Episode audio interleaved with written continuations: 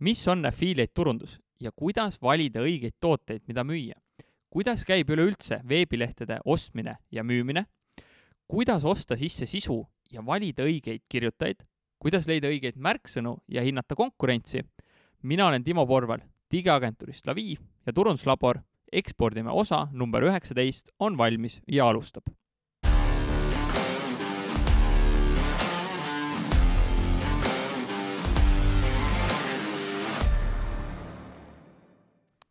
enne veel, kui läheme saate juurde, siis tule kindlasti meie Facebooki gruppi Ekspordime ja samamoodi kõik saated on Youtube'ist vaadatavad, otsi üles Ekspordime kanal, vajuta subscribe ja oled alati kursis, kui uus osa ilmub täna on külas mees, kes on minu seo sala, salarelv. iga kord, kui mul on mingi seo-alane küsimus, kisan talle selle Skype'is ja samuti aitab ta lahkelt Turunduslabori foorumis seo teemadel. ta vastutab USA seo agentuuris Smash Digital turunduse ja müügi eest.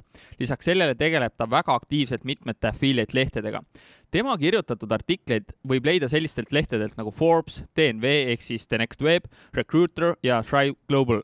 tema tagasiside on leitav maailma parima lingianalüüsi tööriista Ahrefs.com avalehelt ta on kolmel korral mind Vietnamis vastu võtnud nii, et suu jääb lahti ja pisarad tulevad silmi. Jah, ma olen Vietnamisse täiega ära armunud ja olin ikka päris löödud, kui üks aasta tuli vahele jätta, aga ehk varsti. kui ma mõned aastad tagasi temalt küsisin, et millal ta taas koju tuleb, siis vastas ta mulle, Timo, ma olen kodus ja peale kolmandat Vietnami küla, külastust mõistan ma teda sajaga. lisaks räägib ta inglise keelt nii puhtalt, et Las Vegases koos shopates küsiti temalt, et mis osariigist on. kui minu puhul vaadati, et mis oblasti mees tal kaasas on. mul on au kutsuda teda oma sõbraks ja äripartneriks ja ta on mulle tõeliseks inspiratsiooniallikaks. Ta on igas mõttes näidanud mulle palju laiemat maailma ja avanud uksi, millest ma varem teadlik ei olnud. temaga koos on ära peetud kindlasti minu elu rajumad peod ja sellele tasakaaluks ka sügavaimad vestlused nii elust kui ärist. kuidas paganda kahekümne viieselt nii palju on jõudnud ja teab nii palju, olles säilitanud seejuures avatud südame ja mõttelaadi, on ikkagi osaliselt jäänud mulle müsteeriumiks. tere tulemast Ekspordime podcasti, Karl Kangur! hei, hei, tänud kutsumast Eh, tahad sa siia sissejuhatuse juurde, tutvustuse juurde midagi lisada, jäi mul sealt eh, midagi puudu? kakskümmend neli olen endiselt, mitte päris kakskümmend viis veel. no see laivi, laivi minek, laivi mineku hetkel oled sa kakskümmend viis, nii et eh. selge, teeme nii kuule, aga hakkame. päris põhjalik väga hea, sinu kohta oli tõesti üks äh, lihtsamaid, äh, oli seda väga lihtne ka kirjutada selles mõttes, et ma tõesti oleme koos nii palju üksteist äh, tundnud ja üht-teist läbi elanud ja koos teinud, et selles mõttes see, see oli väga lihtne, see oli väga lihtne. sa eksportisid ennast Vietnamisse, kuule räägi, mis lugu selle taga siis on? nii äh,, kogu selle online turundusteemaga ma alustasin siis, kui ma olin kaksteist ja Eestis see tänaseni tegelikult väga suur teema ei ole nagu affiliate marketing, affiliate turundus ja nii edasi. mingi väikeste veebilehtede loomine ja nii edasi, netis raha teenimine pole nagu väga suur teema. seega tegin seda kõike foorumites, ingliskeelsetes foorumites ja väga pikka aega ma ei, ma ei teadnud, ma polnud kunagi reisinud, välja arvatud kuskil mingid Tenerife need paketitripid, sulle, sulle tuttav teema. just äh, ja kogu selline mõte, et elada kuskil teises riigis oli nagu väga-väga võõras. et foorumites olid küll kutid, kes teenisid nagu meeletut, meeletut raha ja rääkisid sellest avalikult, aga kõik olid nagu, aa, ma olen Rumeenias nagu, kus ma olen sündinud ja nii edasi. ja, ja mingi hetk, kui ma olin seitseteist, siis mingites kindlates kommuunides ma hakkasin märkama, et aa, see kutt on nagu siit riigist, aga elab hoopis Aasias või elab siin, elab Lõuna-Ameerika, Ameerikas ja nii edasi. Ja üks punkt oli, kus sai nagu veits kopp ette sellest, et no istun iga päev siin läpaka taga üksi, teen oma asju ja nii edasi. ja üks ettevõte, mis mulle väga korda läks ja, ja tundusid nagu väga ägedad, siuksed tuntud kutid industry's äh,, palkasid ja nii-öelda kogu job description oli see, et võtame sind nagu oma tiiva alla, töötad koos meiega nii-öelda nagu CEO ja nagu management'iga ja aga ainuke condition on see, et sa pead tulema Filipiinidele. tuled Davao City, Davao City'sse, elad meie villas, kus meil on kokk ja koristaja ja basseen ja nii edasi. kõlab nii halvasti. okei okay,, teeme ära ja, ja ma, ma üldse ei teadnud, et sihuke asi võimalik on. ja see töökoht oleks tegelikult mulle olnud ideaalne, kuna kutid müüsid siis äh, Amazon affiliate lehti mida ma olin ka ise, olin ühe selleks hetkeks juba maha müünud ja, ja, ja mul olid nagu vastavad teadmised, nii praktilised kui teoreetilised sellel, sel, selle teema osas olemas. ja ma olin kindel, et ma saan selle positsiooni ja põhimõtteliselt ütlesingi kõigile, et davai, tšau, kuue kuu pärast lähen nagu Filipiinidele ja kutid ei vastanud mu meilile. Äh, ma ei tea, kas nad üldse nägid seda tol hetkel, aga kuna ma olin juba kõigile öelnud, et davai, tšau, pakaa, siis tuli, tuli tegudeni minna. Ja ütleme noh, aasta, aasta hiljem sellest punktist äh, saigi siis kirjutatud sellele kutile, kes tegelikult selle positsiooni sai ja ütlesin talle, et ei kuule, sa võtsid mu töökoha ära, aga ma kolin ikkagi nüüd Davaosse. et kust ma korteri leian, mis ma tegema pean ja nii, ja nii edasi.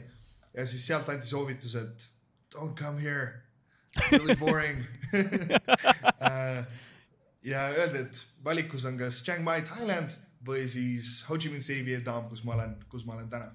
ja sai valitud see Vietnam ja plaan oli kolm kuud siin, kolm kuud seal, kolm kuud seal äh, ja kuidagi nagu natuke reisida ja siis mingeid erinevaid paiku avastada. ja jõudsin Vietnamisse ja küsimus tekkis, et miks kuhugi edasi minna, et kõik on olemas, kõik on ideaalne, et et polnud väga kuskilt nagu mingit huvi kuhugi, kuhugi mujale edasi minna ja, ja nüüdseks on siis peaaegu kuus aastat äkki siin oldud. Mille pärast eh, Vietnam sulle meeldib? Ja, ja eestlased noh, reisivad küll Vietnamisse, et viimane kord Muinees ma kuulsin ka nagu eestikeelseid eh, sõnu juba ka tänavatel onju, et aga millegipärast vaata ikka minnakse sinna Taisse, et miks sa arvad, miks eestlased Vietnami ei ole avastanud ja mis sulle tegelikult selle Vietnami juures nagu endale väga meeldib? põhi, põhiteema minu jaoks oli alati ilm sa tead, kui ma sul Türil, Türil külas olen Just. käinud, siis alati probleem oli see, et miks sa puid alla ei pane, külma on. et, et kogu, kogu see iglu, igluks nimetasime seda maja. et, äh, et kogu see ilmateema mulle kõigepealt Eestis kunagi ei istunud, nagu kõik muu on väga tore, aga liiga külm on. et soo, kuhugi sooja kohta, see oli alati nagu number üks. ma arvan, et Vietnam hakkas kõige rohkem meeldima sellepärast, et mul olid siin äh, need väiksed tutvused juba olemas, kui ma maandusin ja, ja siin on hästi palju teisi nii-öelda online ettevõtjaid, kellega, kellega rääkida, kellel on mingid plaanid, eesmärgid, kuhu, kes pürgivad kuhugi. ja sellist nagu võrku mul, mul kunagi Eestis ei olnud väga. Äh, ja, ja sellest on nagu saanud üsna, üsna, üsna tähtis osa nii-öelda enesekasvust ja progressist nii äris kui, kui elus äh, Vietnami ja Tai nii-öelda, minu jaoks suurim vahe on see, et Vietnam on väga äh, nagu no bullshit, ütleme nii ehk kui sa ei meeldi kellelegi, siis nad ütlevad sulle või ühesõnaga sinust ei tehta välja lihtsalt. et kõik on nagu väga, et kui kellelgi on huvi, siis neil on päriselt huvi, et siin ei ole mingit siukest nagu fake kultuuri. Versus Tais mul on, mul on alati nagu vastupidine vibe, et kõik on mega-mega sõbralikud, aga alati kuidagi võlts tundub see, et äh, et kõik naeravad ja kui kõik naeravad, siis midagi on nagu valesti. midagi äh, äh, ja siis teine punkt on see, et ma arvan, et Tai on lihtsalt nagu natuke, natuke arenenum, rannad on veits ilusamad äh, ja, ja natuke lihtsalt populaarsem üle maailma. ehk siis, et see on nagu by default lihtsam on sinna lennata, natuke odavam sinna lennata et kui, kui reisimiskogemust ei ole, siis see on nagu lihtne valik, davai, it, go mm. -hmm. pakettreis mis sa arvad, kas sama suuri tegusid, nagu sa täna teed, kus manageerid kõikide affiliate lehtedega ja, ja, juhid seda agentuuri seal turunduse ja müügi osas, mis sa arvad, kas sedasama asja annaks teha Türilt ja Paidest ka või, või on vaja ikkagi olla kuskil tsentris eh, koha peal? Sada protsenti saab ikka, et äh, kohalikega mingit äri ei tee. Vietnam on sellest nagu pigem elustiili tükk, mitte et sellest on kuidagi äriliselt kasu olnud. mitte nii väga, et kindlasti nagu reisimine on ilmselt oluline tükk, et äh, esimesed nii-öelda suuremad sammud järgmisele levelile tulid tihtipeale tänu mingitele eventidele, inimestega kohtumisele ja nii edasi aga need olid pigem konverentsid, mitte, mitte just see, et äh, keegi nüüd elab samas linnas või mis iganes äh,. ja järjest rohkem, eriti nüüd viimase, viimase kahe aasta jooksul, kui kogu see, kogu see jama siin maailmas on, siis kogu networking on tegelikult ju online'is, kuna pole, pole võimalik inimestega päriselt äh, kohtuda. ja, ja ma usun, et see, see on näidanud päris paljudele, et, et kogu see asi on võimalik, et kui sa tahad kellegagi kohtuda, siis okei okay,, meil mingi Face'i sõnum, mingi isiklik video, mis iganes, et kui sul on mingit väärtust pakkuda ja, ja, ja soov mingit suhet luua, siis kõik on nagu võimalik. vahet ei ole, kui vana sa oled, kus kohas sa oled, palju sul raha on, mis, mis sa teinud oled, mis iganes.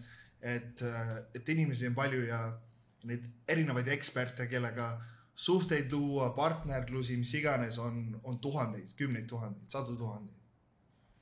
mis selline suhete loomisel sind kõige rohkem aidanud on, et võtame korra konverentsid, noh eeldusel, et äkki need kunagi taastuvad ja teine asi online'is selliste ühenduste loomine, mis sinu jaoks kõige paremini töötanud on? Äh, mõeldes, mõelda pikale perspektiivile, et mitte, eesmärk ei ole see, et ma lähen konverentsile ja nüüd räägin kõigiga ja räägin tuhande inimese või saja inimese või mis iganes. et pigem on väärtus alati nendes pikemaajalistes äh, suhetes, kus on mingi connection, kus on mingi panus äh, sisse pandud ja, ja see ei ole ainult äriline. et tihtipeale need- kõige paremad connection'id ongi tulnud sellest, et lihtsalt nagu on mingi personal connection kõigepealt. et sa ei, sa ei lähe sinna sellepärast, et ma tahan sult mingit turundust või SEO-d või mis iganes õppida, vaid see, et meil on, meil on see connection olemas ja siis kõik see muu tuleb hiljem, tuleb pärast. et need suhted on kõige, kõige väärtuslikumad olnud. Sa korra mainisid ka seda personaalse video tegemist, et eh, ma olen ka sinult ühe sellise saanud, kus oli siis kokku pandud need videod, CV-d, see oli nagu, ma ütlesin ka pärast seda Hendrile, et see on nagu noh, me ei, sellise motivatsiooni ja suhtumisega tüüpi me ei saa lihtsalt praktikale nagu või laviisse võtmata jätta, et eh, see tõesti töötab, et see on ju asi, mida tõ- ma arvan, nagu peale sinu ja minu mitte keegi ei tee, põhimõtteliselt. Jah, et see on tõesti asi, mis, mis on hea. sa vahepeal juhtisid eh, Vietnamist ka turundusagentuuri, ütle ja siis eh, vahepeal meelitati sind üle Londonisse, kus sa ikkagi andsid heale ilmale alla ja mõtlesid, et äkki Londonis on elu parem. ütle, kuidas eh, Vietnamist on sellist agentuuri teha ja kas Londonis oli siis lõpuks parem või ei olnud parem teha? hea küsimus, Londonis oli, Londonis oli kohati parem teha, kuna seal on ilmselgelt kõvasti rohkem raha ja ettevõtteid, et kogu see nagu startup culture ja nii edasi on oluliselt suurem. ehk siis tegime turundust äh, software as a service ettevõtetele, sisuturundust ja SEO-d. ja kliente on oluliselt lihtsam saada, et kui sa ikkagi ütled, et sul on Londonis kont-, kontor ja eriti seda veel kesklinnas, siis vaadatakse, aa, okei okay,, mingi, mingi tõsisem teema on siin. ja sama erinevad üritused, mingid et, kohalikud ettevõtted tahavad ikkagi äh, näost näkku kohtumisi ja nii edasi, et kui, kui tahad nii-öelda natuke rohkem raha küsida.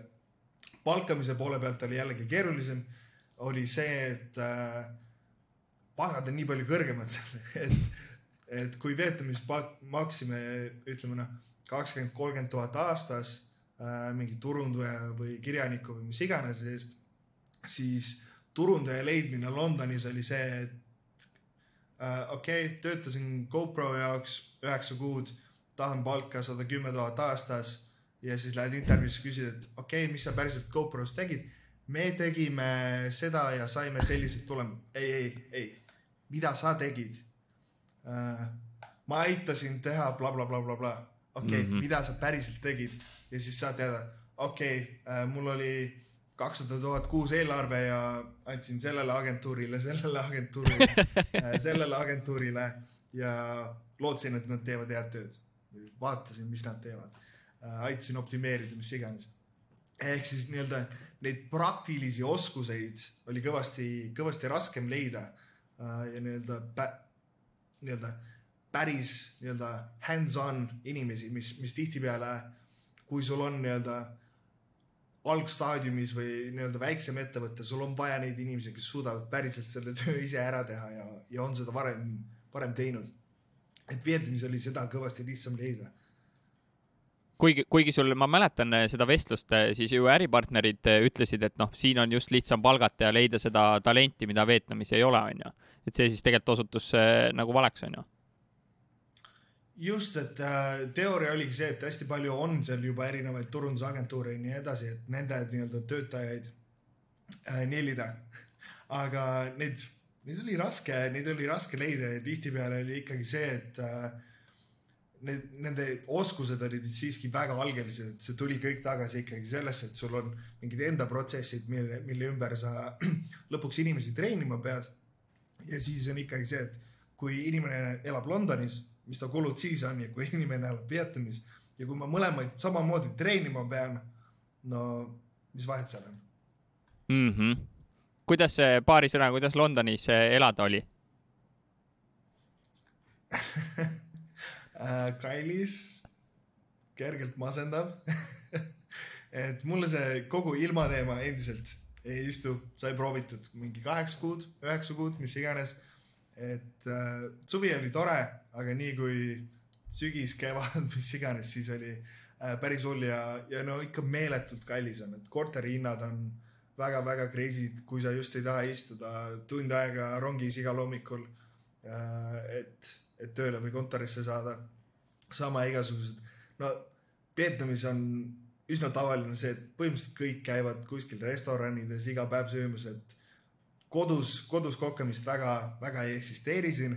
Londonis sellist asja, no ei, ei suuda enamik inimesi nagu äh, pikaajaliselt teha palju Londonis selline tavaline, ma ei tea, õhtusöök lähed äh, välja sööma kahekesi maksab?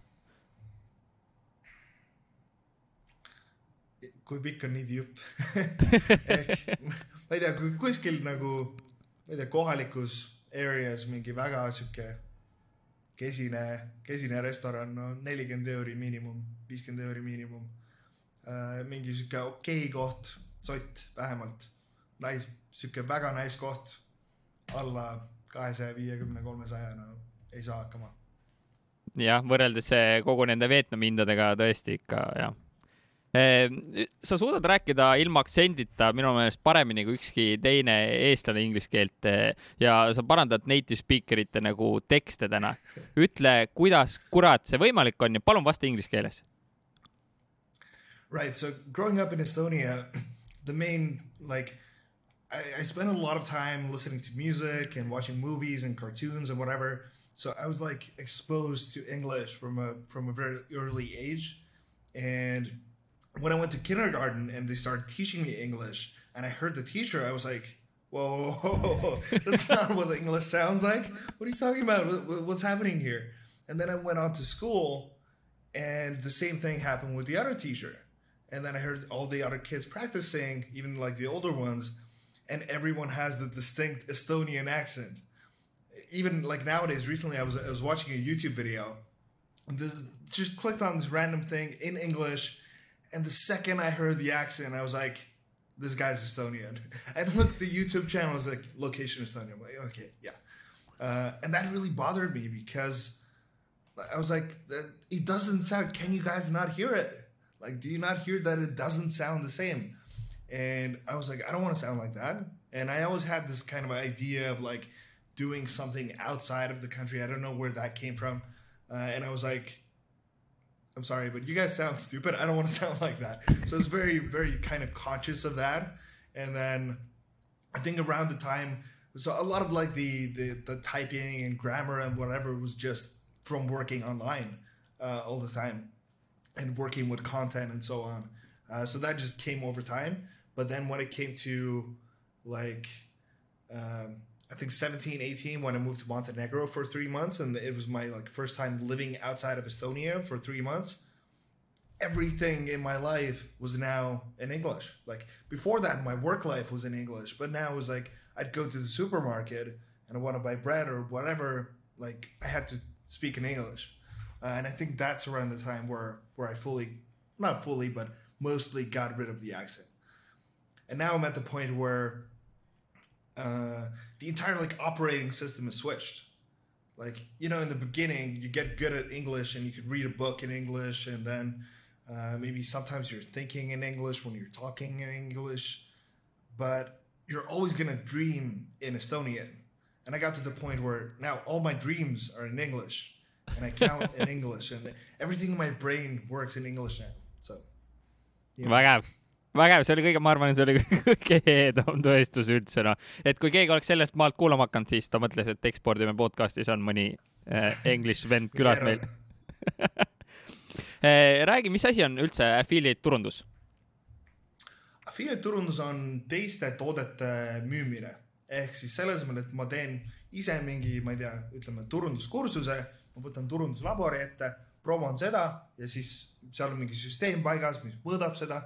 Mul on enda nii-öelda unikaalne link ja iga müük, mis ma turunduslaborile toon, ma saan siis selle eest mingi, mingit tasu komisjoni mm. -hmm. mis su enda esimesed sellised affiliate äh, ärid olid, kus ja mida sa promoma hakkasid? kõige esimesed olid äh, nii-öelda paper download ehk siis mingid äh, erinevad veebilehed, kus said alla laadida ütleme mingi Photoshopi crack'i või Lightroomi crack'i või mingeid mängude häkke ja nii edasi. ja siis, kui jõudsid sinna download'i nupuni lõpuks, et kõik idee oli sulle juba maha müüdud, siis tuli sihuke kiire ohver üles, et uh, fill out a survey ehk siis pidid panema sinna mingi oma telefoninumbri või mis iganes. saad sõnumist mingi PIN koodi, paned selle sisse ja iga kord, kui keegi selle ohveri ära täitis, sain sealt mingi viisteist dollarit, mis iganes. ja nemad said siis vastutasuks oma, oma faili. ja siis järgmine oli nii-öelda Amazoni mudel ehk siis äh, Amazonil on enda affiliate program, saad valida ükstapuha, mis toote, mis Amazonis müüakse kõigile oma unikaalsed lingid ja kui äh, teed siis sealt vastava müügi, siis annavad sulle kolm kuni kaheksa protsenti komisjonist. mm. -hmm. mis on sinu meelest sellised peamised asjad, mida silmas pidada, et noh, kelle asju sa siis äh, promoma hakkad ja kuskohast üldse neid leida? ma arvan, et esimene reegel, mida, mida silmas pidada, on see, et, et ma ei tea, ma ei tea, kust see tulnud on, äkki J, J Abrahami nii-öelda kuldreegel, et äh, see võtab sama palju ressursse müüa viiekümne dollarist eset, kui müüa tuhande dollarist eset või teenust või mis iganes. ehk siis alati valida neid nii-öelda kallimaid tooteid äh,, kuna lihtsalt lihtsam on, lihtsam on raha teenida äh,. toodete valimise osas jällegi esimene küsimus on see, et äh, mida ma müüa suudan, et kust tulevad külastajad, mis nišis mul need külastajad on ja, ja mida nemad osta soovivad või, või mis ma neile maha saaksin müüa. mm. -hmm. et kui külastajaid ei ole, siis sa võid unistada mis iganes, et ma olen, ma ei tea, jaatide või paatide või mis iganes affiliate, aga et kui, kui keegi veebilehele ei jõua ja müüki pole, siis, siis pole ju vahet mm. -hmm. ja hästi palju tegelikult leiab ju neid äh, affiliate äh, linke ja tooteid tegelikult erinevatelt tööriistadelt, mida sa ise võib-olla turunduses kasutada ja siis tegelikult neid promoda, onju. just, et näiteks Laviil oli alati see, et kasutasime GetResponse'i äh, meiliturunduse jaoks pikka aega ja siis oligi, et kui klientidele soovitame, siis võib ju enda affiliate lingiga ja saame sealt iga kuu mingit komisjoni. just ja tänaseks äh, on sealt tulnud mingi üheksa tuhat, ma ei tea, viissada eurot või? Lihtsalt nagu soovituste eest, minu arust see on kõige lihtsam raha üldse, mis me kunagi teeninud oleme, vaata, sa soovitad head asja, mida sa ise kasutad, millesse sa usud ja noh, siis ongi see, et pane see affiliate lihtsalt link ja saad ka siis on ju mingi komisjoni sealt vahelt. nojah, selle jaoks, et siis eh, kogu seda müüki teha, sul on vaja ehitada neid eh, affiliate veebilehti siis. ütle, mida, mida silmas pidada, kui sa neid asju ehitama hakkad ja mis, mis on sellised peamised vead, mida tehakse? sa ise teinud oled? ma arvan, et kõige suurem viga ja see, see ei käi ainult nii-öelda affiliate äride kohta, ma usun, et see käib kõikide äride kohta, on see, et uh, follow your passion. et see, see on kõige, kõige tobedam nii-öelda soovitus või advice, mis, mis üldse äris on, on antud. äri ei ole sinu kirgedest, äri eesmärk on teenida raha, kõik. ja sinu kirg peaks olema teenida raha. et sama, kui ma alustan mingi blogiga, keegi ütleb mulle, et uh, okei okay,, follow your passion, mulle meeldib kulturism ja bodybuilding ja mis iganes uh,. kui ma teen või reisimine näiteks, et mis ma siis teen, alustan jälle järjekordse reisiblogi või ja siis või konkurentideks on Agoda, Tripadvisor, mingid, mingid maailmakuulsad reisiblogid, kellel on enda tiimid, kümnetonnised kaamerad ja nad on seda teinud viisteist aastat. Et kust ma need külastajad saan või mis, mis nagu võimalused mul on või mis eelised mul on, et seal, seal nagu päriselt mingit raha teenida, mingit audientsi ehitada ja nii edasi. et esimene küsimus on see, et kus mul on kõige lihtsam alustada, et kust ma saan reaalselt mingit raha teenida, mingid külastajad, mingid müügid saada. et see kogu mudel kõigepealt enda jaoks üldse ära tõestada, mingid oskused saada, mingi, mingi protsess sellest ehitada ja siis järjest rohkem nii-öelda samm-sammu haavalt äh, suurema konkurentsiga turgudesse. ja siis lõpuks võib-olla üks hetk, kui sul on äh,, ma ei tea, kakskümmend miljonit pangas, siis sa võid oma reisiblogi peale mõelda. jah, ja siis sul ei ole vahet, kas ja kui palju jälgib, sest traffic ei ole siis nagu ei loe, onju. just. aga nende veebilehtede ehitamise juures mingeid, noh, olgu see teema nüüd õige ja hea, sa näed, mis tehakse, milliseid vigu? Äh, plaani puudumine ehk siis nii-öelda märksõnade analüüs, et kui, kui eesmärgiks on näiteks orgaanilist külastatavust saada, siis tihtipeale alustatakse sellest, et ütleme, et kui mul on mingi sotsia-, sotsiaalmeedia turundusblogi, siis hakkan lihtsalt sisu kirjutama, et äh, social media marketing trends või kaks tuhat kakskümmend üks turundustrendid, kaks tuhat kakskümmend üks äh, sisuturundus, ma ei tea, soovitused, mis iganes ja keegi ei otsi selliseid asju. et sul peab olema mingi plaan, et kuidas, kuidas reaalselt neid külastajaid saada, olgu see siis äh, reklaamide teel või sotsiaalmeediast või otsingumootorites, mis iganes. aga sisu nii-öelda content for content sake, sisu lihtsalt sisu loomise pärast pole mõtet teha, et sul peab olema mingi plaan paigas ja, ja strateegia kogu selle, kogu selle loome taga räägi korra sellest eh, strateegia loomisest ja, ja ka märksõna analüüsist, et noh, meie ettevõttes sa teed samamoodi, teed seda märksõna analüüsi just sina, Stendur ütles ka, et noh, need märksõnad, mida mina olen valinud, kuidagi on läinud sinnasamma, et sealt ei ole nagu midagi tulnud, et eh, mis on see sinu nagu selline nagu võluvits või kuidas, kuidas sina asjale lähened ja kuidas sa mõtled ja, ja mis dokument sellest üldse valmib? tänapäeval on see meeletult lihtne, kuna meil on selline tööriist nimega Ahrefs, ahrefs.com, mis on siis äh, otsingumootorite optimeerimise tööriist. Ja ta on peale Google'i, Google on siis robot, ta käib terve interneti avarused läbi ja salvestab kõik veebilehed ära. Ja number kaks nii-öelda robot, mis sedasama asja teeb, on Ahrefs. ja peale seda kuskil on Yahoo ja Bing ja mis iganes, onju mis tähendab, et neil on kõik needsamad andmed olemas, mis Google'il on, aga nad on loodud mitte kasutaja jaoks, vaid turundajate jaoks. mis tähendab, et kui ma tahan näiteks veebilehte teha turundusteemadel, ma võin kõik enda konkurendid Ahrefsi sisse panna ja näha, millised nende blogipostitused juba saavad külastajaid või mis märksõnadega nad välja tulevad. ehk siis kogu see töö tegelikult on juba tehtud. ja siis saab sealt erinevaid nii-öelda äh, filtreid panna näiteks kas veebilehele äh,, kui autoriteetne see veebileht on, palju neid linke on, millal see artikkel laivi on pandud ja nii edasi. ehk siis, kui ma teen tuttuue veebilehe mingis nišis, kus ma juba olen otsustanud, okei okay,, konkurents on üsna madal, siis ma valingi just need madala autoriteediga veebilehed ja vaatan, mis artiklid toovad neile kõige rohkem sisu.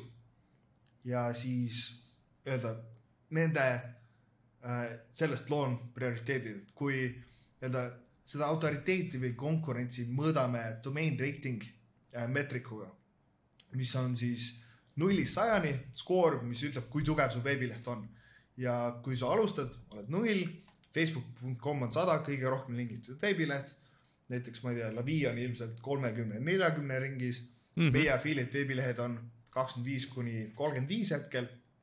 ja siis nii-öelda suuremad tegijad, ütleme viiskümmend viis, kuuskümmend. eks ma otsingi niši, kus on veebilehed, kellel on madalam autoriteet kui meil. meil on kakskümmend viis, okei okay,, otsin veebilehe, mis on viisteist ja vaatan, kus nemad saavad külastajaid. ja siis loon needsamad artiklid ainult paremini. ja, ja tegelikult, kas see mäng nüüd niimoodi käibki, et kui mul on äh, kõvem äh, domain rating, siis ma lihtsalt vaatan, millise märksõnaga ma tahan äh, positsioone saada, siis kirjutan artikli valmis, et ma mäletan meie ühisest Skype'i vestlusest üks suur veebileht parema autoriteetsusega tuli ja kirjutas mingi artikli, mis ei olnud parem kui meie artikkel ja me jäime sellest kohast siis ilma ja, ja tegelikult, kas, kas meil üldse on midagi selle vastu teha või, või see mäng niimoodi käibki? kusjuures me oleme selle ühesõnaga, meil on, meil on siis Amazon affiliate veebileht. oleme ühele märksõnale olnud number üks väga-väga pikka aega, teenime sellega päris korralikku raha. ja siis tuli LA Times või New York Times või mis iganes. meie domain reiting on kolmkümmend kaks, neil on üheksakümmend üks ja meil on väga hea sisu selle, selle spetsiifilise lehe jaoks. ja neil oli kolm korda lühem artikkel, mis põhimõtteliselt ei öelnud mitte midagi eks see toote review'd oli täielik rämps oli ilmselgelt näha, et see polnud nagu väga läbimõeldud ja järsku oli meie number kaks, nemad number üks. tänaseks me oleme selle positsiooni tagasi saanud. artikkel on viimase kolme nädalaga sealt ära kadunud. aga domain rating on nii-öelda üleüldine äh,. see, see annab hea ülevaate ehk siis see eeldab, et kui kõik teised asjad on võrdsed, siis see domain rating võtab nagu üle ehk siis, kui meil on mõlemal kaks veebilehte, on ideaalselt optimeeritud sisu ja kõik nii-öelda on-page seo, kõik, kõik muu on võrdne, siis kõrgema autoriteediga leht tõenäoliselt tuleb paremini välja. jällegi, samas kui meil on okei okay sisu kellelgi on veits madalam autoriteet, aga parem sisu, siis nad võivad äh, paremini välja tulla. kuidas Google täna hindab seda, et kummal siis parem sisu on? see artikli pikkus ju ei ole ainult see näitaja. Google'i nüüd suva ma ei tea, ausalt tänaseks, tänaseks me ei tea enam, et meil on agentuuris nagu nali, et Google, Google doesn't care ehk see ei ole alati nii nagu mustvalge, et nad teevad erinevaid update'e ja asju. praegugi on üks välja tulemas ja nüüd nad juba ütlesid, et juulis tuleb veel üks. ehk siis nad, nad ilmselgelt nad ei tea, mis, mis selle praeguse update'iga saab aga nad teavad, et ühesõnaga katsetavad veidi, juulis teevad uue, et nii-öelda äh, korrigeerida. aga seal on nii-öelda kolm kõige tähtsamat asja on sisu pikkus ehk siis kas see on piisavalt põhjalik, äh, et kogu teema ära, ära katta, et kui me küsime Google'ilt, mis on investeerimise definitsioon, siis see on märksõna, millele saab vastuse anda noh, saja, kahesaja, kolmesaja sõnaga, võib-olla natuke seletad seal veel onju. kui me räägime, kuidas investeerida, ma ei tea, kõige maksuefektiivsemal viisil, siis see ei ole asi, millele sa saad kahesaja sõnaga vastust anda, ilmselt. Äh, pigem on, okei okay,, kaks tuhat sõna, kolm tuhat sõna, neli tuhat sõna ja siis Google'il on ka, kuna inimesed on otsinud seda märksõna ilmselt juba viimased viis aastat, Google'il on juba andmed selle kohta, ehk siis kui palju, kui artikkel, artikkel number üks on olnud tuhat viissada sõna, keskmise pluss mingid kõik muud asjad seotud. Äh, kui paljud inimesed klikivad tagasi ja vaatavad teist tulemust, mis on pikem. ehk siis neil on need andmed olemas, okei okay,, sellele märksõnale tihtipeale parim vastus kipub olema kolm tuhat sõna. ehk siis see on üks nii-öelda faktor, teine on see, et Google hakkab vaikselt mõistma vähemalt inglise keeles äh, erinevaid seoseid sõnade vahel. ehk siis, kui ma räägin näiteks meiliturundusest, siis märksõnad nagu open rate, unsubscribe, HTML, newsletter, template äh,, landing page on väga-väga seotud ja näitavad, et ma tean sellest äh,, sellest teemast päris palju. samas, kui need märksõnad on puudu, siis see näitab, et see leht ei ole piisavalt nii-öelda põhjalik ja siis kolmas nii-öelda veidi sarnane on, kui tihti neid märksõnu kasutatakse, et kui email marketing sõna on seal nüüd kaks korda kasutatud kümne tuhande sõna jooksul, siis ilmselt see ei ole nagu selle lehekülje fookus. Äh, ja see siis kehtib kõikide nende nii-öelda seotud märksõnade kohta ka olgu, kui see märksõnaanalüüs on eh, tehtud, kuidas see protsess edasi läheb, et lõpuks see veebileht seal Google'is ka heal positsioonil on, mis, mis siis edasi tuleb teha? tulebki analüüsida just seda, mis, millest me praegu rääkisime, et mis, mis Google selle märksõna jaoks tahab. ehk siis mis on see nii-öelda inglise keeles ütleme search intent. ehk siis, kui ma otsin näiteks äh, valgupulber, siis ma tõenäoliselt tahan osta valgupulbrit. ehk siis, kui sa guugeldad seda Eestis praegu või inglise keeles, tõenäoliselt top tulemused on kõik äh, e-poed e, e-poodide kategooria lehed, kus ma saan valida endale sobiva valgupulbri. nüüd, kui ma otsin parim valgupulber, sa ei näe mitte ühtegi, Eestis võib-olla näeb mm, -hmm. Eestis algoritm ei ole just ideaalne.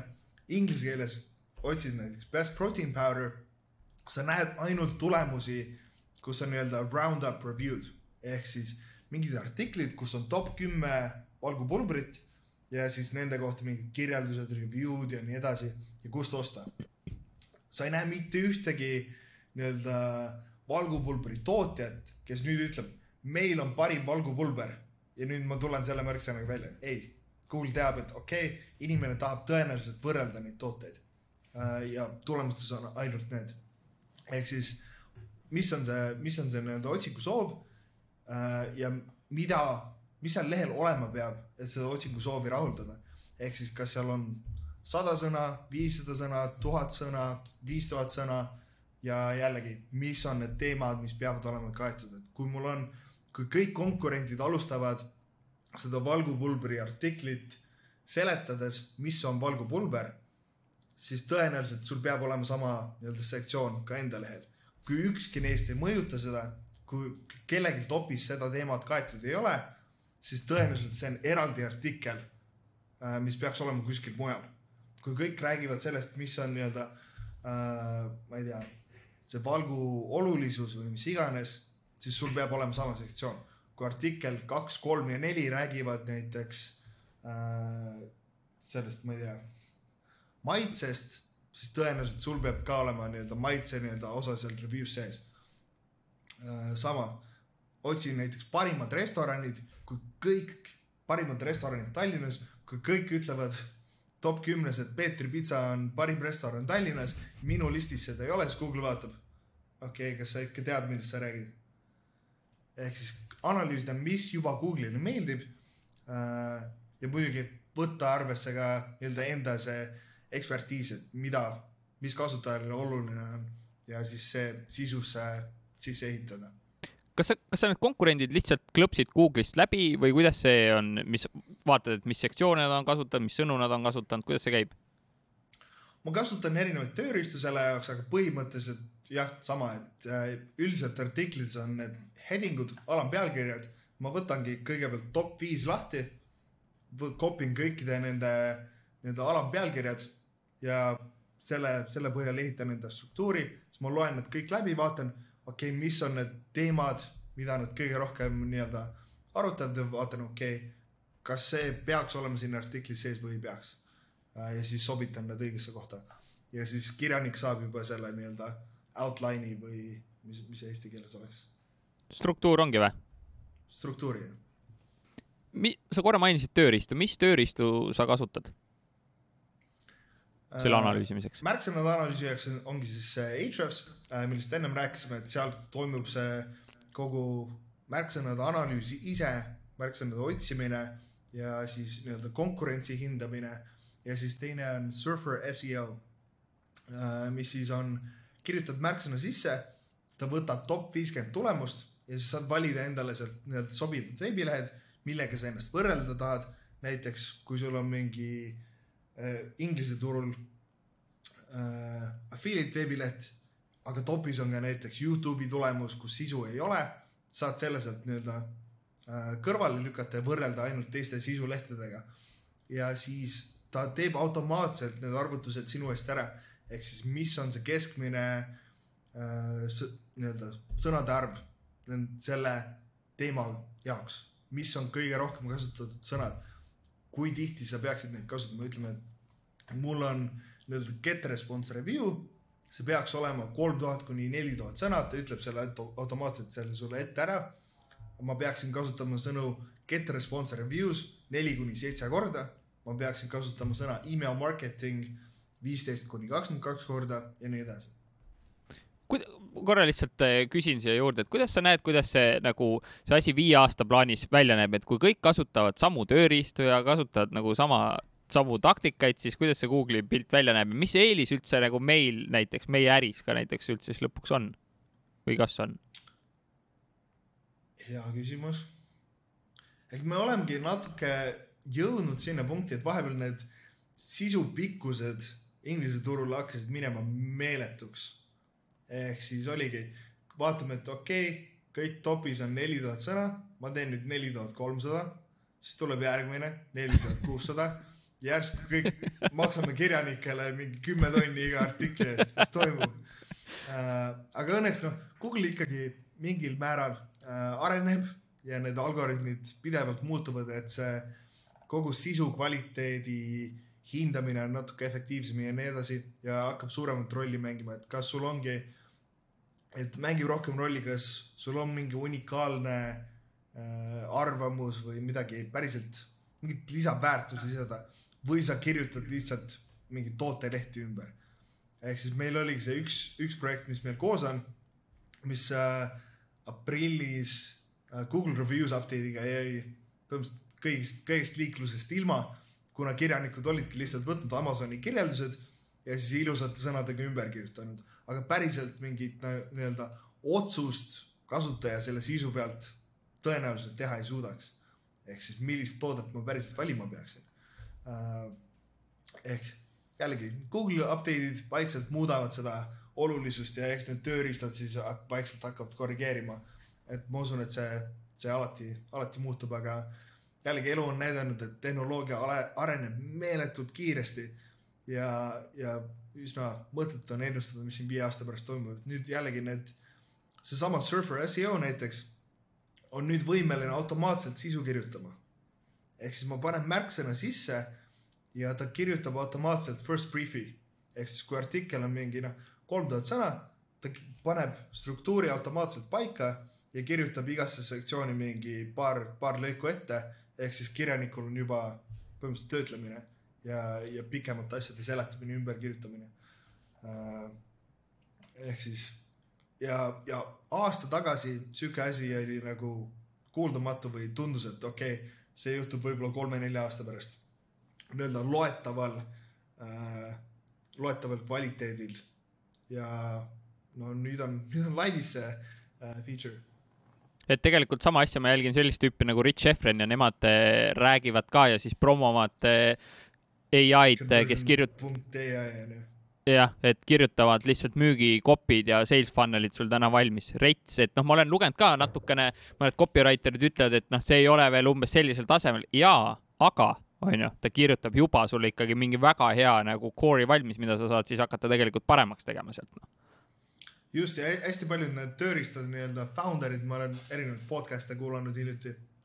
Nad ütlevadki, et selle eesmärk ei ole kirjanikke või copywriter eid või turundajaid asendajaid, asendada, vaid ongi see, et selle asemel, et kirjutada üks artikkel päevas, sa saad nüüd teha kümme, kuna nii-öelda suur osa sellest research'ist ja ettevalmistusest on, on sul juba ära tehtud.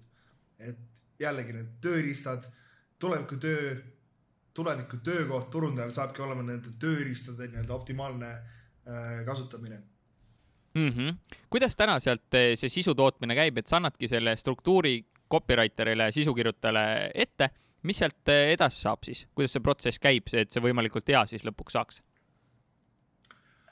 ideaalis ongi see, et äh, üks mure, mis meil, mis meil seni äh, sisu loomisega on olnud, on see, et me olemegi kirjanikele lihtsalt andnud mingid tooted kätte märksõna ja okei okay,, mine kirjuta.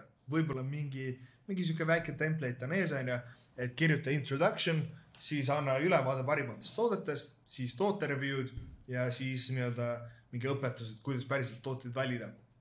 aga see, see on jätnud hästi palju nii-öelda murekohti ehk siis kirjanik peab ikkagi päris palju seda eeltööd tegema ja, ja suures pildis nende eesmärk on ikkagi raha teenida ja artikkel võimalikult kiiresti valmis saada. Äh, ehk siis mida parema selle struktuuri sa talle ette annad, mida spetsiifilisem sa oled, seda parema sisuga sa ise tagasi saad. Ehk siis nüüd me muudamegi seda, et, et ma tahan äh, ise need hästi paljud struktuurid teha ja ka Henryle aidata neid struktuure paremini teha. me annamegi kirjanikule otse ette, et mitte ainult see, et kirjuta nüüd äh, nii-öelda, meil on buyer's guide ehk siis näiteks kuidas valida meiliturundustööriista ja siis enne kirjanik ise otsustab, mis need kriteeriumid on. nüüd on see, et me ise ekspertidena kõigepealt teeme selle eeltöö ära, vaatame, okei okay,, konkurendid ütlevad, et see on tähtis, see on tähtis, see on tähtis. kolm-neljast konkurendist on seda maininud, okei okay,, paneme selle kindlasti sisse ja võib-olla jätame mingi lisakommentaari sinna. Äh, ehk siis see, see aitab kirjaniku töö oluliselt lihtsamaks teha, kuna nad lihtsalt otsivadki põhimõtteliselt lõik lõigu haaval äh, nii-öelda vastuseid, kuidas valida äh, või kui tähtis on A-B testing või kui tähtis on see või mis iganes äh,. Ja siis, kui see artikkel tagasi tuleb, pannakse üles ja siis hakkabki raha sisse tulema või mis saab? seni, seni oleme niimoodi teinud, aga ideaalis oleks seal ikkagi nii-öelda see feedback loop ehk siis kirjanikule võimalikult palju tagasisidet teha, eriti kui see on kirjanik, keda sa ei kasuta ainult ühe korra mingi ühe artikli jaoks, vaid võimalikult palju anda tagasisidet. okei okay,, seda saaks paremini teha niimoodi uh,. mitte öelda, et okei okay,, see on halb, tee uuesti, vaid näidata nii-öelda eksperdina, copywriter'i, turundajana, okei okay,, võiksime parem üritada niimoodi teha uh,. ja siis tehagi nii kaua, panna ideaalis sinna aega sisse ühe artikli jaoks, kuni ta ongi ideaalne. kuna jällegi, kui kirjanik on nii-öelda osa tiimist või, või vähemalt kirjutab sinu jaoks, ütleme rohkem kui neli-viis artiklit, siis äh, see kvaliteet paraneb ikka meeletult kiirelt, kui, kui päriselt istud maha ja annad talle seda põhjalikku tagasisidet äh,. ja jällegi läbimõeldud viisil, kuna hästi tihtipeale kirjanik ei taha kuulda seda. et äh, kui sa ütledki, et see on halb, tee uuesti Äh, siis väga palju ta ei, ta ei, ta ei parane sealt. Versus kui sa ütled talle, et okei okay,, see on okei okay,, aga äkki me võiksime kirjutada seda niimoodi, siis kirjutadki ta talle selle nii-öelda optimeeritud parema lõigu valmis. Ja jällegi teine, teine viga, mis me tegime hästi palju, on see, et äh, lihtne on anda tagasisidet Google Docsis, kus sa panedki kommentaari et see ei meeldi või selle teeme niimoodi või parandad ära. aga seal puudub täielikult see nagu isiklik touch ja siis väga lihtne on, isegi kui ma sulle annaksin näiteks tagasisidet mingi Google, Google Docsi teel mm, -hmm. kuidagi tundub nagu, nagu. kooliõpetaja on üle, jaa, kooliõpetaja on üle vaadanud ja punasega alla tõmmanud. et äh, see on, see on teine asi, mida me üritame paremini teha, on see, et anda mingit tagasisidet Google Docsis ja kirjutadagi nii-öelda nii-öelda paremad versioonid, aga siis seletada seda nii-öelda loogikat näiteks mingi Lumi video või, või nii-öelda Zoom'i kõne teel. Et see on järgmine samm, mis me, mida me üritame parandada mm. -hmm. kas sa seda tagasisidet annad ise, sul on keegi meeskonnas, kes seda tagasisidet tihti annab või kuidas see nagu tagasiside andmine käib, kes seda teeb? ideaalis ise, võimalikult palju. ehk kui neid kirjanikke on loomulikult rohkem, ütleme viis, viis kuni kümme Äh, kel, kes pidevalt töötavad, siis lõpuks võiks olla seal mingi äh,, mingi teine inimene vahel, aga tihtipeale ise suudad ikka kõige paremini seda teha. Sa oled oma elus tõenäoliselt näinud, ma ei tea, kümneid, kui mitte sadu erinevaid kirjanikke. ütle, kuskohast neid leida ja kuidas need õiged välja valida, kellega päriselt siis need artiklid lõpuks väga head saavad? miljoni dollari küsimus, ma tean. miljoni dollari küsimus, just, et ma ei just palkasin terve, terve nädalavahetusele, postitasin erinevatesse gruppidesse. ma võtan huvi pärast selle sheet'i lahti praegu mm. -hmm. ja ühesõnaga, see on ühe digiturundusblogi jaoks ja job description'i esimene requirement, native speaker. saatsin siis Google Formi, vaatame nationality Indian, Kenyan, Pakistani, Pakistan, Kenya, Kenya, Nigeeria, Filipino, Indian, Pakistan, Nigeeria, Cambodia, Algeeria, English, Pakistan, Malta, India, Kenya, India. Ehk siis kõige tähtsam äh, ja ma arvan, üks viga, mida me hästi palju oleme teinud kirjanike palkamisel on see, et sama nagu iga teise rolli jaoks palkamine. et kui sa palkad turundajat, sa ei, sa ei intervjueeri ühte inimest. et sa ei võta esimest kirjanikku ja okei okay,, kõlbab küll. mis, mis tihtipeale kirjanikega tehakse, et saadki mingi artikli tagasi, maksid võib-olla eest nii-öelda katseartikli eest kolmkümmend, nelikümmend daala.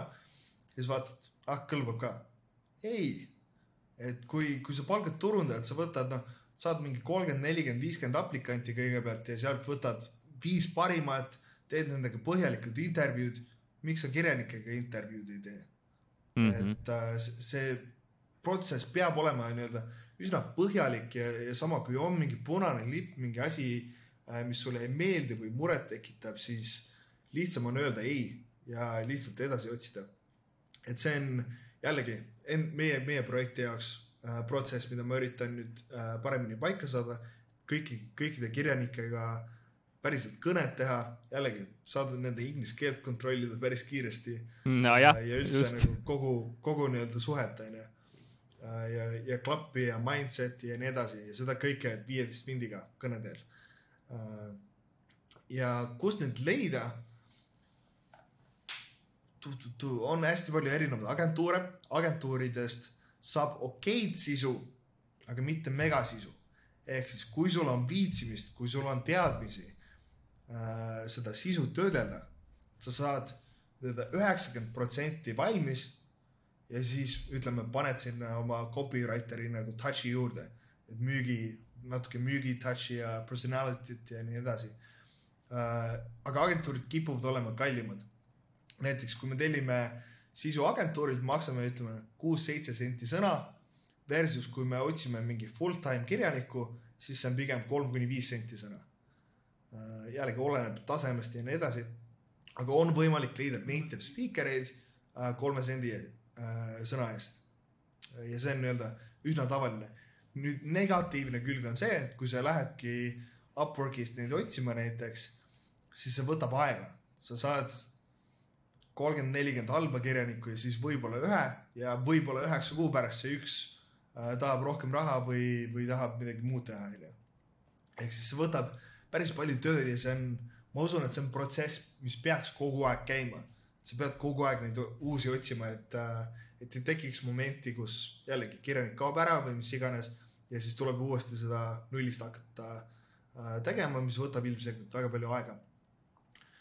kust kirjanikke leida uh,? Upwork.com, kui tahad uh, nii-öelda seda rasket teed minna, jällegi tuleb hästi palju inimesi läbi kammida uh,.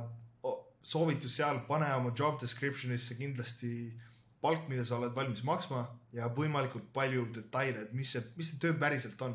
mitte lihtsalt, aa, we want a content writer. okei okay,, content writer, mis teemadel, mis mahtudes äh,, mis nii-öelda, mis see sisu standard saab, saab olema äh,, mis mahtudes iga nädal, iga kuu oodatakse äh,. mis selle nii-öelda ettevõtte visioon on, miks ma peaksin tahtma kirjutada, kirjutada just sinu veebilehe jaoks. sama nagu ükstapuha, mis teist nagu töö, töökirjeldust äh, kirjutatakse, kirjutaksid äh,. millegipärast kirjanike palkamiselt seda üldiselt ei tehta, vähemalt nii-öelda affiliate ja, ja seo turunduse maailmas äh,. Järgmised kohad, sihuke Facebooki grupp on nagu uh, Cult of Copy. Uh,. sealt saab päris palju aplikante, siis on problogger.com, neil on oma nii-öelda jobs section seal, maksad seitsekümmend daala tavalise listingu eest, sada viiskümmend nii-öelda featured, mingi ekstra boonuslistingu jaoks raha väärt, aga sealt saab hästi palju eriti native uh, kui otsid mingi kindla skill'iga, näiteks mul on vaja mingit trummide eksperti, mis iganes, selle jaoks pidi olema ideaalne koht.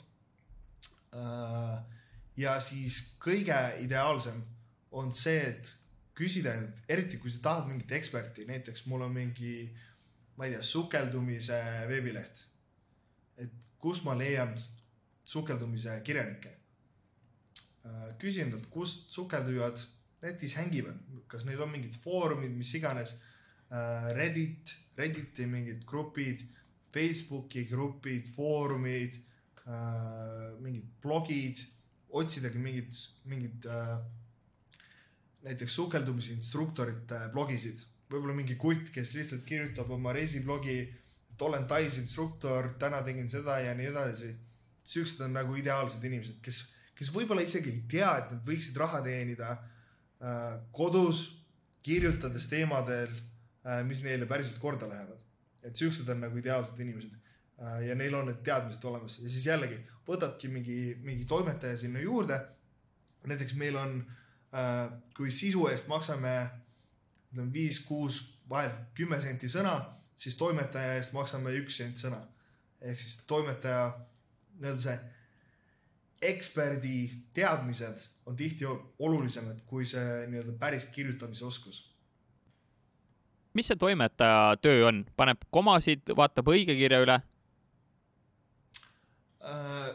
Neid on erinevaid, eks, eks oleneb nii-öelda veebilehe eesmärgist ja kvaliteedist, on see copy toimetaja, kes siis panebki, et kuidas nii-öelda inimesi veenda natuke rohkem nii-öelda äh,, kuidas vajutada neid õigeid nuppe ja nii edasi Mm -hmm. siis on see nii-öelda grammari toimetamine, komad ja mis iganes ja siis on äh,, mis seal veel on äh,. näiteks kui on mingi terviseteemaline veebileht, siis faktide kontrollimine, sama kui on mingi finantsteema, siis faktide, faktide kontrollimise toimetaja jällegi tihti kipub olema natuke, natuke teine, teine roll kui teine inimene kuidas see või mis sa sellest arvad, et kui ma nüüd mõtlengi, et eh, noh, hakkaks tegema eksporti, hakkaks USA turul minema, et noh, mul enda inglise keel on päris selline okeiš ja eh, käin Grammarly'ga asjad üle ja siis panen selle veebi välja ja artiklid välja, mis sa sellest arvad? ei, ei, ei.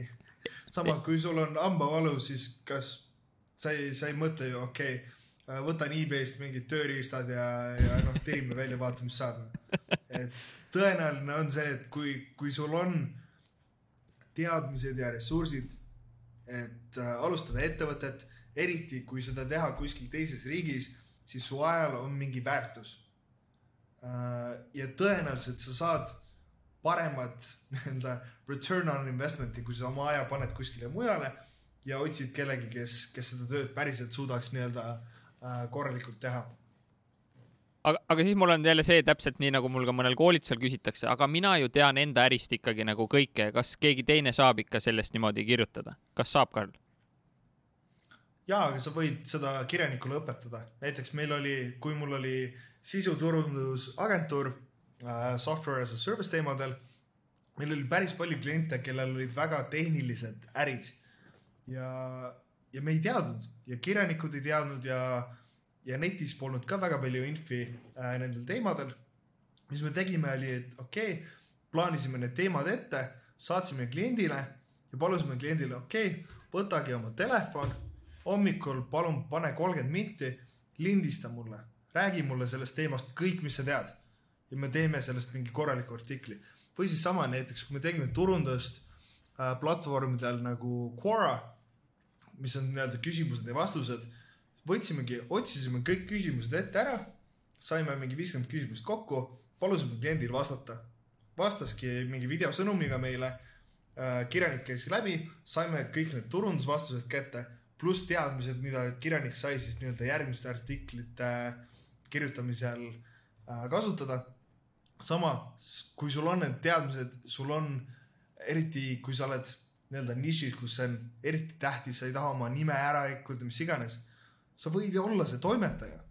ja jällegi, sa ei ole see grammari toimetaja, kui sa inglise keelt ei oska, siis palun ära kirjaniku nii-öelda vigasid, vigasid äh, hakka parandama, aga kontrolli need faktid üle ja, ja anna talle soovitusi, kui ta ütleb midagi valesti, õpeta, seleta, et äh, kõik, kõike saab, kõike saab suhelda, kommunikeerida. mm. -hmm, väga head soovitused.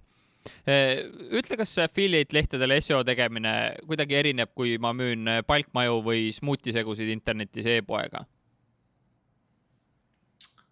Äh, tõenäoliselt konkurents on affiliate maailmas suurem, kuna ongi, kõik on nii-öelda professionaalsed turundajad, kes, kes üksteisega võistlevad, et kui ma jällegi, kui ma tahan palkmaju müüa, siis keskmine palkmajade ettevõtja tõenäoliselt seo-st midagi ei tea, mis tähendab, et konkurents äh, on üsna madal äh,. ja jällegi, kui palju nad teavad, et palgata mingeid agentuure, kui palju need agentuurid päriselt teavad, mis nemad teevad äh,. et see, et see konkurents kipub olema üsna, üsna, üsna madal aga kõik muu ju on ju selles plaanis jääb samaks, vaja linke ehitada, vaja head sisu saada, vaja tehniliselt, et veeb korras oleks ja kõik sama mm. -hmm. Sa oled siin mitmeid tööriistu juba maininud ka, Hrefsi ja Surferit, et eh, mida veel sa kasutad, mida, mida, mida selles äris vaja on, nii tasuta kui tasulisi tööriistu? Google Docs ega tegelikult rohkem ei olegi noh, et eriti otsingumootorite optimeerimise poole peal Ahrefs on nagu üheksakümmend prossa, saad kõik sealt kätte juba. Kõike muud on võimalik teha käsitsi ja siis boonusena ongi noh, Surfer, mis säästab sulle meeletult, meeletult aega. et rohkem tööriistu ma väga ei kasutagi ja meil on no, agentuuril on üle, üle saja kliendi, kellel on vaja auditeid, asju ja, ja kõik saab nii-öelda nende kahe tööriistaga tehtud. mõned üksikud mul on, aga nii-öelda keskmisele turundajale või ettevõtjale neid, neid vaja pole. mulle, mulle järjest rohkem tundub, et kogu see nii-öelda tööriistade teema on nagu haip. Pole nagu teema. et uh, just, et lihtsalt mm -hmm. nagu aja raiskamine, et uh, sama, mis, mis meiliturundus, tööriista meil päriselt vaja on. okei okay,, mingi segmentation, A-B testing. ei, eesmärk on see, et saada üks uudiskiri nädalas. üheksakümmend protsenti ettevõtteid ei tee isegi seda. et lihtsalt hakka kõigepealt oma meililisti koguma uh, ja, ja neid päriselt kirju välja saatma võib-olla siis vaikselt okei okay,, analüüsin tulemusi, kuidas asju paremini teha. aga noh, üheksakümmend protsenti ettevõtteid jällegi saavad paremaid tulemusi sellest, et mõelda, okei okay,, mis mu see uudiskirja pealkiri peaks olema versus see, mis tööriista ma kasutan mm. -hmm. et uh, just start doing things. väga hea, väga hea eh,. mida teevad selline viiskümmend tuhat eurot pluss, eh, kes teenivad eh, suuri summasid kogu selle affiliate eh, turundusega. Vietnamis olles ka sa ütlesid, näed sa, need sõbrad teevad nagu kolmkümmend tuhat ja need teevad nelikümmend tuhat eurot kuus. mida nemad teisiti teevad võrreldes näiteks siis meiega, kes me teenime nagu kümnetes kordades vähem? või kas nad teevad? protsesside tiimid. ehk siis ongi see, et kõigepealt esimene samm on see, et sa leiad selle mudeli, mis sul töötab, mis meil on olemas näiteks just nendel projektidel, mis me koos teeme. ja siis ongi küsimus, et kuidas viia see järgmisele tasemele ja kuna meil mõlemal on kolm, neli, viis, kuus, seitse, kaheksa, üheksa, kümme projekti muud, äh, mis kogu aja ära võtavad, siis äh, polegi muud valikut, kui hakata palkama ja, ja luua need protsessid ja see ongi asi, mille kallal me praegu siis nokitseme, et kuidas, äh, kuidas luua protsess, kuidas neid kirjanikke efektiivsemalt manageerida, kuidas saada võimalikult palju sisu äh, ja, ja veenduda, et see veebilehte, veebilehele optimeeritud kujul võimalikult efektiivselt äh, laivi saab mm. -hmm ehk siis nemad on tegelikult ongi sellised suured sisuagentuurid, kes lihtsalt nagu päevast päeva kogu aeg uut sisu välja ehitavad, linke, lihtsalt suur mass inimesi teeb seda. just, sa võtad kõige suurema Amazon affiliate kuti maailmas, ta teeb üheksakümmend viis prossa sama asju, mis meie teeme, lihtsalt ta teeb seda kiiremini, efektiivsemalt ja suuremates kogustes. rohkem veebilehti, rohkem sisu, rohkem märksõnu, rohkem kirjanikke. More, more, more mm. -hmm.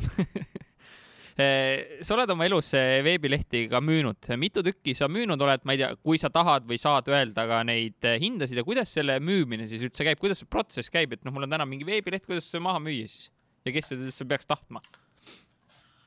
Äh,? tänaseks mingi kolm-neli tükki, üsna okeide summade eest, ütleme niimoodi äh,. ja enamjaolt käib see läbi nii-öelda brokeri ehk siis sa võid, kui mingi väiksem diil, ütleme noh, viiekohaline summa, siis sa võid mingi, mingi private deal'i teha, et okei okay, äh,, müün sulle veebilehe, teenib nii palju ja nii edasi, teeme mingi lepingu, paneme escrow, escrow.com, sihuke veebileht, kus nii-öelda vahendaja ehk siis äh, leping on paigas, müün selle, selle raha eest äh,.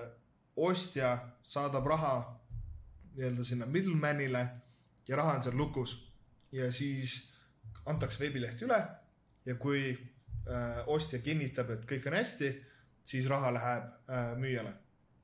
ja siis on ka nii-öelda need broker'id, kes äh, näiteks fiinternational.com kes siis ütlevad sulle, et okei okay,, su äriväärtus on selline, äh, otsivad sulle müüja ja nii edasi, teevad kogu, kogu diili sinu eest ära äh, ja kauplevad seal ja, ja teevad kõik paberitööd ja nii edasi, aitavad äh, ettevõtte üle kanda äh, nii-öelda veebilehed, hosting ud ja mis iganes ja siis võtavad sealt mingi komisjoni vahelt, mis on üldiselt kümme-viisteist prossa diilist.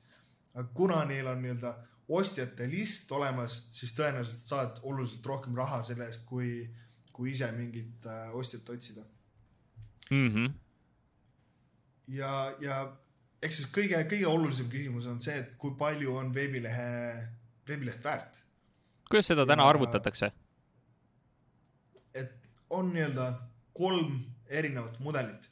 esimene on see, et kui sul on mingi nii-öelda starter veebileht või sul on mingi idee, et sul on mingi hea domeen, võib-olla mingit natuke sisu, mis iganes äh,, siis mis iganes keegi on valmis selle eest maksma. et kui sa, okei okay,, sul on juba ilus disain, sul on hea domeen, sul on mingit sisu, okei okay,, sa säästad mulle aega, maksan sulle viis tonni, kümme tonni, mis iganes selle eest, mis ma olen valmis maksma. teed mu elu lihtsamaks. teine on nii-öelda see vahestaadium, kus sul on kasumlik äri ja see on sama nagu, kui ma ei eksi, siis ta on sama nii-öelda füüsiliste äridega ehk võetakse su kasum, ettevõtte kasum, sealt võtad enda palga, paned kõrvale mingid kulud, mis iganes, puhas kasum. ja sellest võtad siis viimase kuue kuu keskmise või ütleme, kolme kuni kaheteist kuu keskmise, olenevalt ärist ja erinevatest trendidest, mis iganes. ja siis äh, üldiselt kipub see olema kaks kuni kolme, kahe kuni kolme aasta kasum. ehk siis, kui ma teenin tonn kuus kasumit, ma võin selle Affiliate lehe müüa maha, ütleme kolmekümne kuue tuhande eest. ja siis oleneb, jällegi oleneb, oleneb ärimudelist, mingi e-commerce e, e-poed tüüpiliselt natuke madalamad, ütleme noh, kahe, kahe poole aasta kasum. Affiliate sisulehed äh, kolme, kolme poole aasta peal ja siis software asjad või kui, kui, kus on mingi recurring revenue äh, element, kuidas see eesti keeles on? ma ei teagi, korduvmakse, igakuine makse.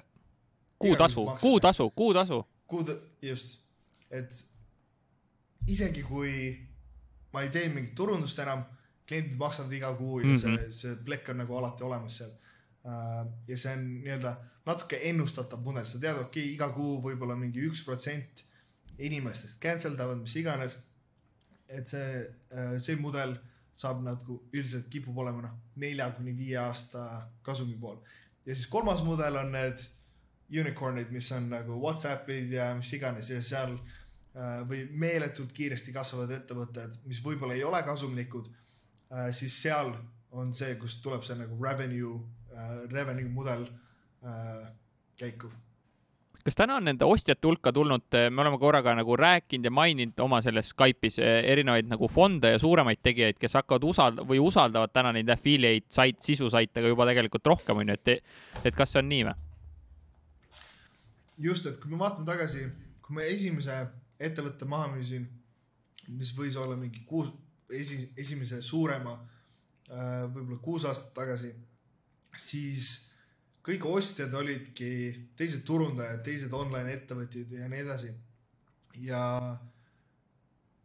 aina rohkem on tulnud nii-öelda erinevaid fonde ja investment bank'e ja mis iganes. ja nüüd viimastel aastatel see ongi nagu nii-öelda investeerimismaailmas vaikselt saamas nagu aktsepteeritavaks investment'i liigiks või mis iganes sa nimetad seda. et kui, kui ennem olidki aktsiad ja real estate ja, ja see ja see ja nüüd vaikselt krüpto ja mis iganes onju, siis online ärid on, on vaikselt nagu ka sinna, sinna äh, endale kohta loomas. ja nüüd ongi, kui ütleme kolm-neli aastat tagasi on see Amazoni mudel, fulfillment by Amazon, kus siis saadad oma tooted Amazoni, nemad müüvad sinu eest neid ja võtavad sealt mingi prossa, prossa vahelt ja mingid tasud. Siis need ärid müüsid äh, ütleme noh, kahekordse aastakasumi eest maha äh,. kuna mingi Amazoni see platvormi risk ja nii edasi, siis täna on need, need numbrid kolm kuni neli korda äh, aastakasum ja see on juhtunud viimase paari aastaga. äris mitte midagi pole muutunud, ainult on juhtunud see, et hästi paljud nii-öelda need investorid on hakanud neid kokku ostma, ehk siis nüüd on, unicorn on siis ettevõte, mil, mille aastakäive või valuation on, on üle miljardi. ja viimase aasta jooksul on tekkinud kaks uut äh, unicorn'i, unicorn ettevõtet äh,, kelle mudel ongi osta kokku erinevaid Amazon affiliate ärisid aa, niimoodi. äh, ja siis neid kasvatada. ehk siis kaks, kaks, kaks sellist on just jõudnud sinna miljardi tasemele. pluss siis on hästi palju erinevaid väiksemaid fonde, kus saadki panna sisse investorina sada tuhat, kakssada tuhat, viissada tuhat, miljon, mis iganes.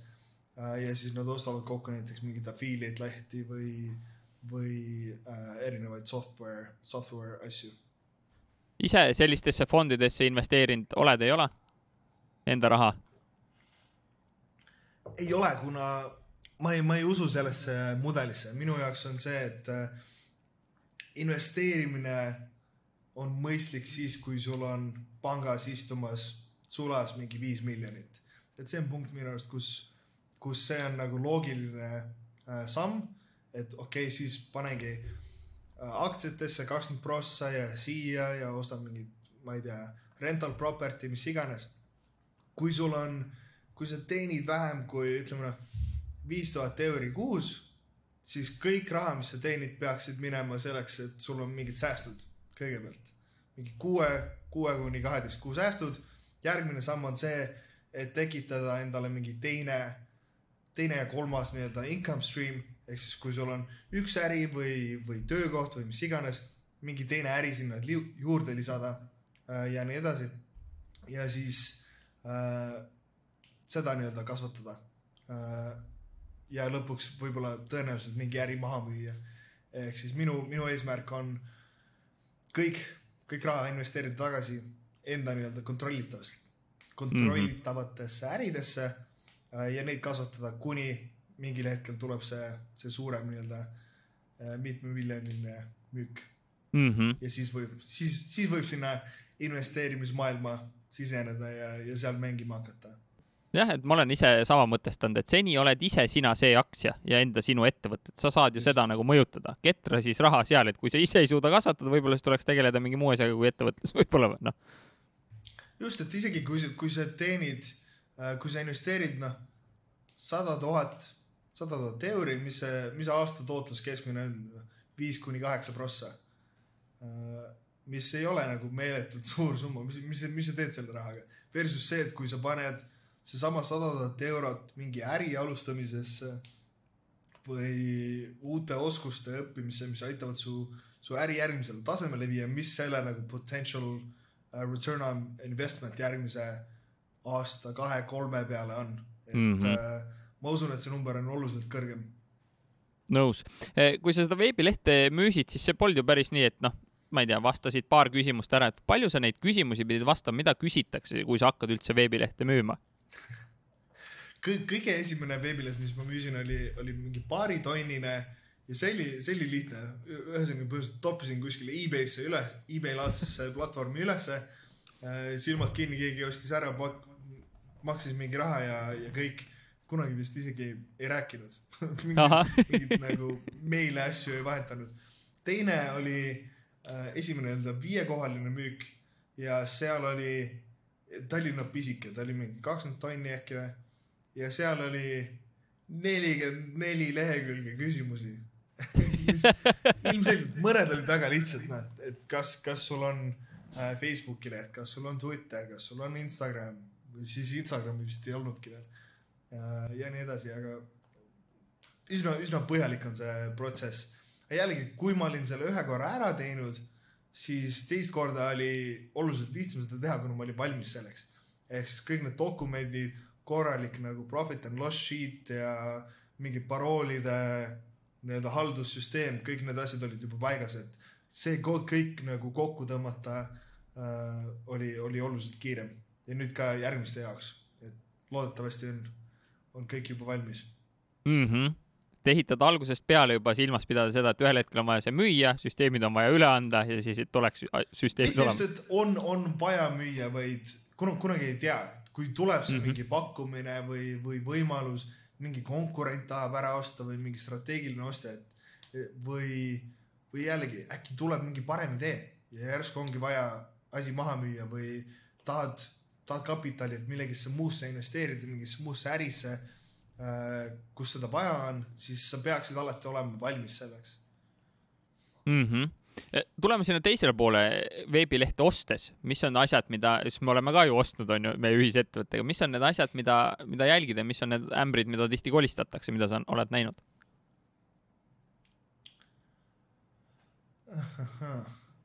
E- esimene samm kindlasti kontrollida, et kas kõik, mida väidetakse, on tõsi ja kas see on loogiline.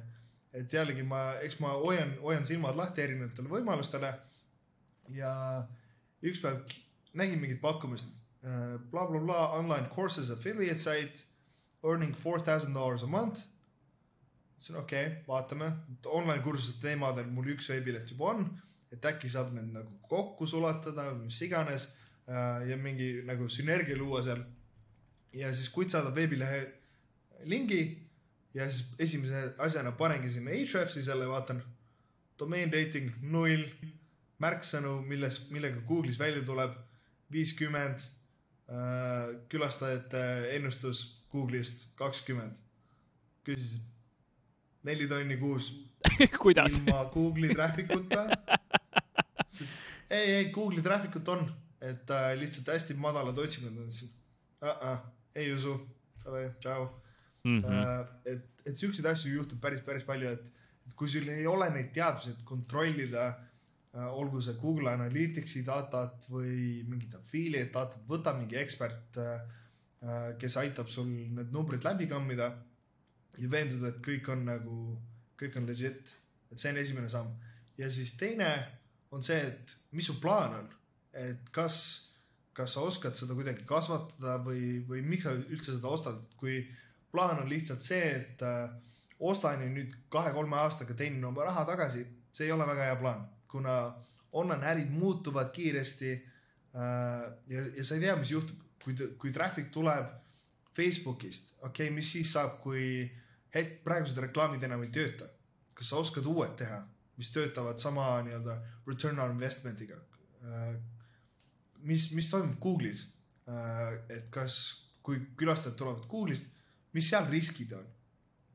kas sisu kvaliteet on piisavalt hea, et see, et sa järgmise Google update'iga nii-öelda slap'i ei saa, penaltit ei saa.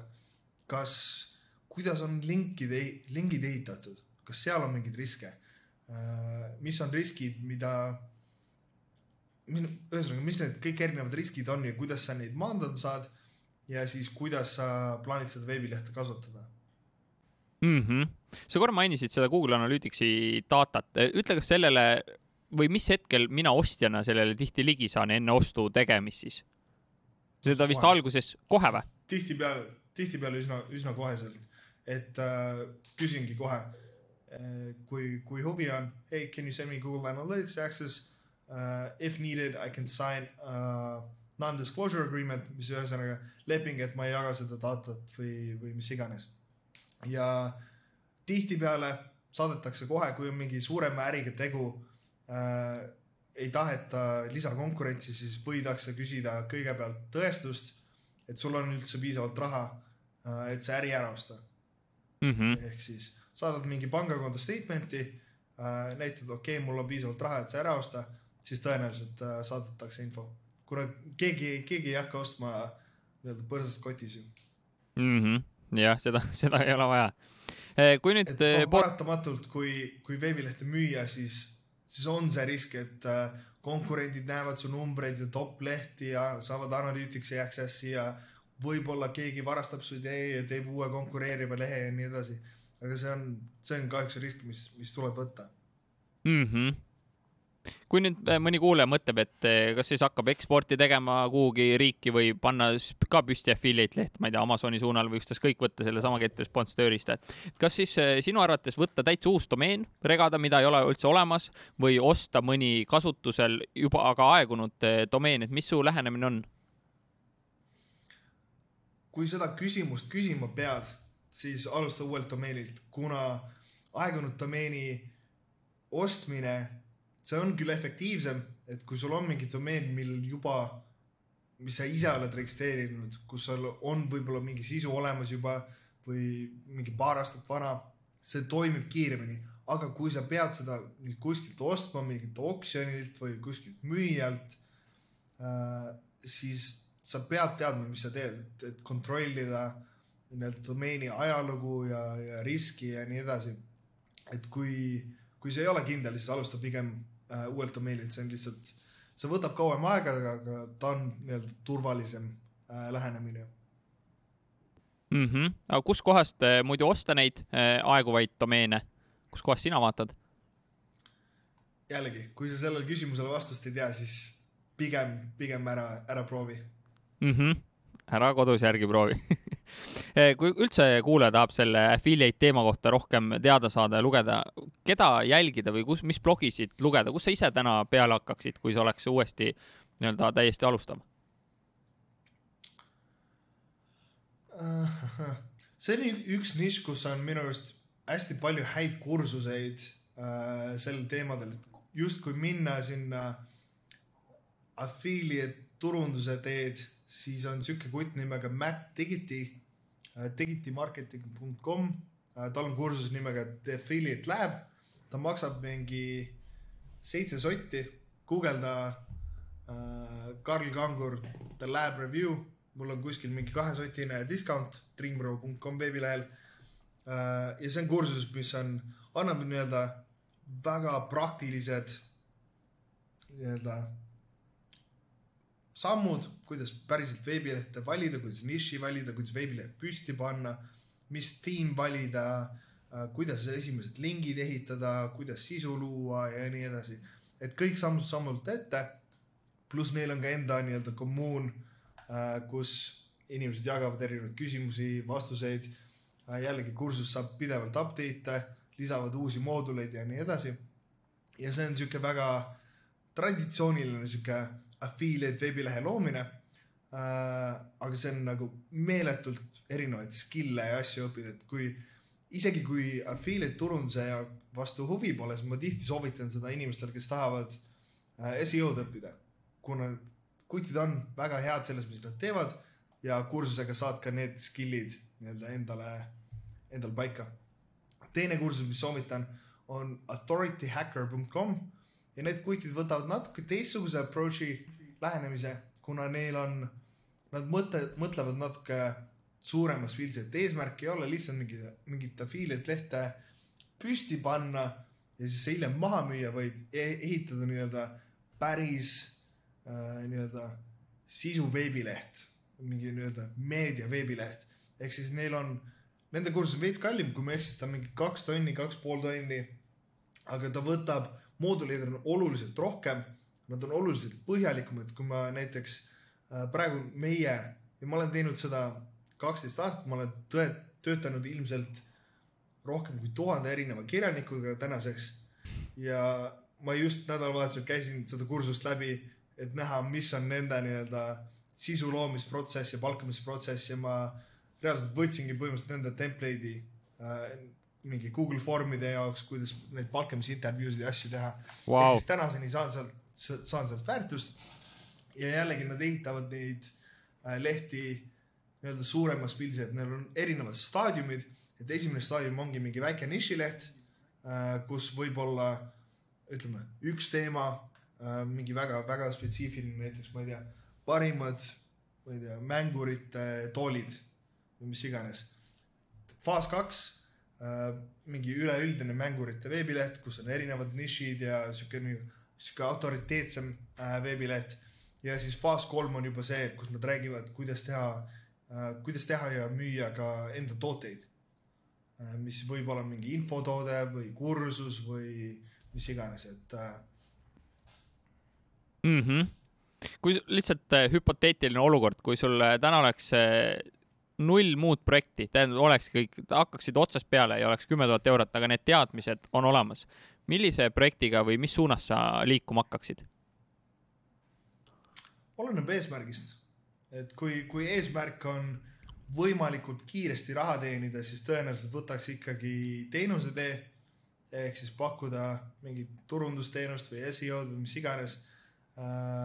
kui eesmärk on ehitada mingit pikaajalist äri, siis tõenäoliselt võtaks affiliate suuna ja, ja looks mingi, mingi, mingi veebilehe, kus ehitada nii-öelda platvormi, kommuuni ja nii edasi mm. -hmm mis ma oleks, Karl, pidanud sult küsima, aga jäi küsimata või mis sa tahad kogu selle veel affiliate teema kohta või see, mis me siin täna oleme rääkinud, veel midagi lisada?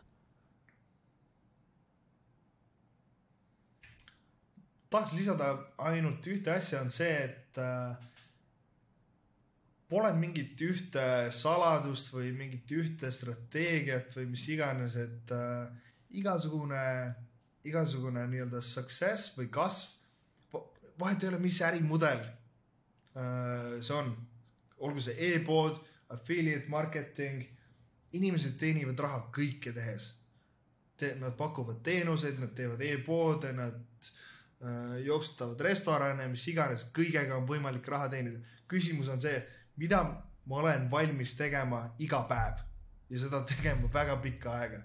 ehk siis äh, nii-öelda edusaladus pigem kipub olema nii, nii palju, kui ma enda tutvust, tutvusringkonnast näinud olen, äh, sõprade seas, raamatutest lugenud, intervjuudest kuulnud, on see, et every day taking steps, lihtsalt iga päev teed midagi, teed seda loodetavasti natuke paremini kui eile mm. -hmm.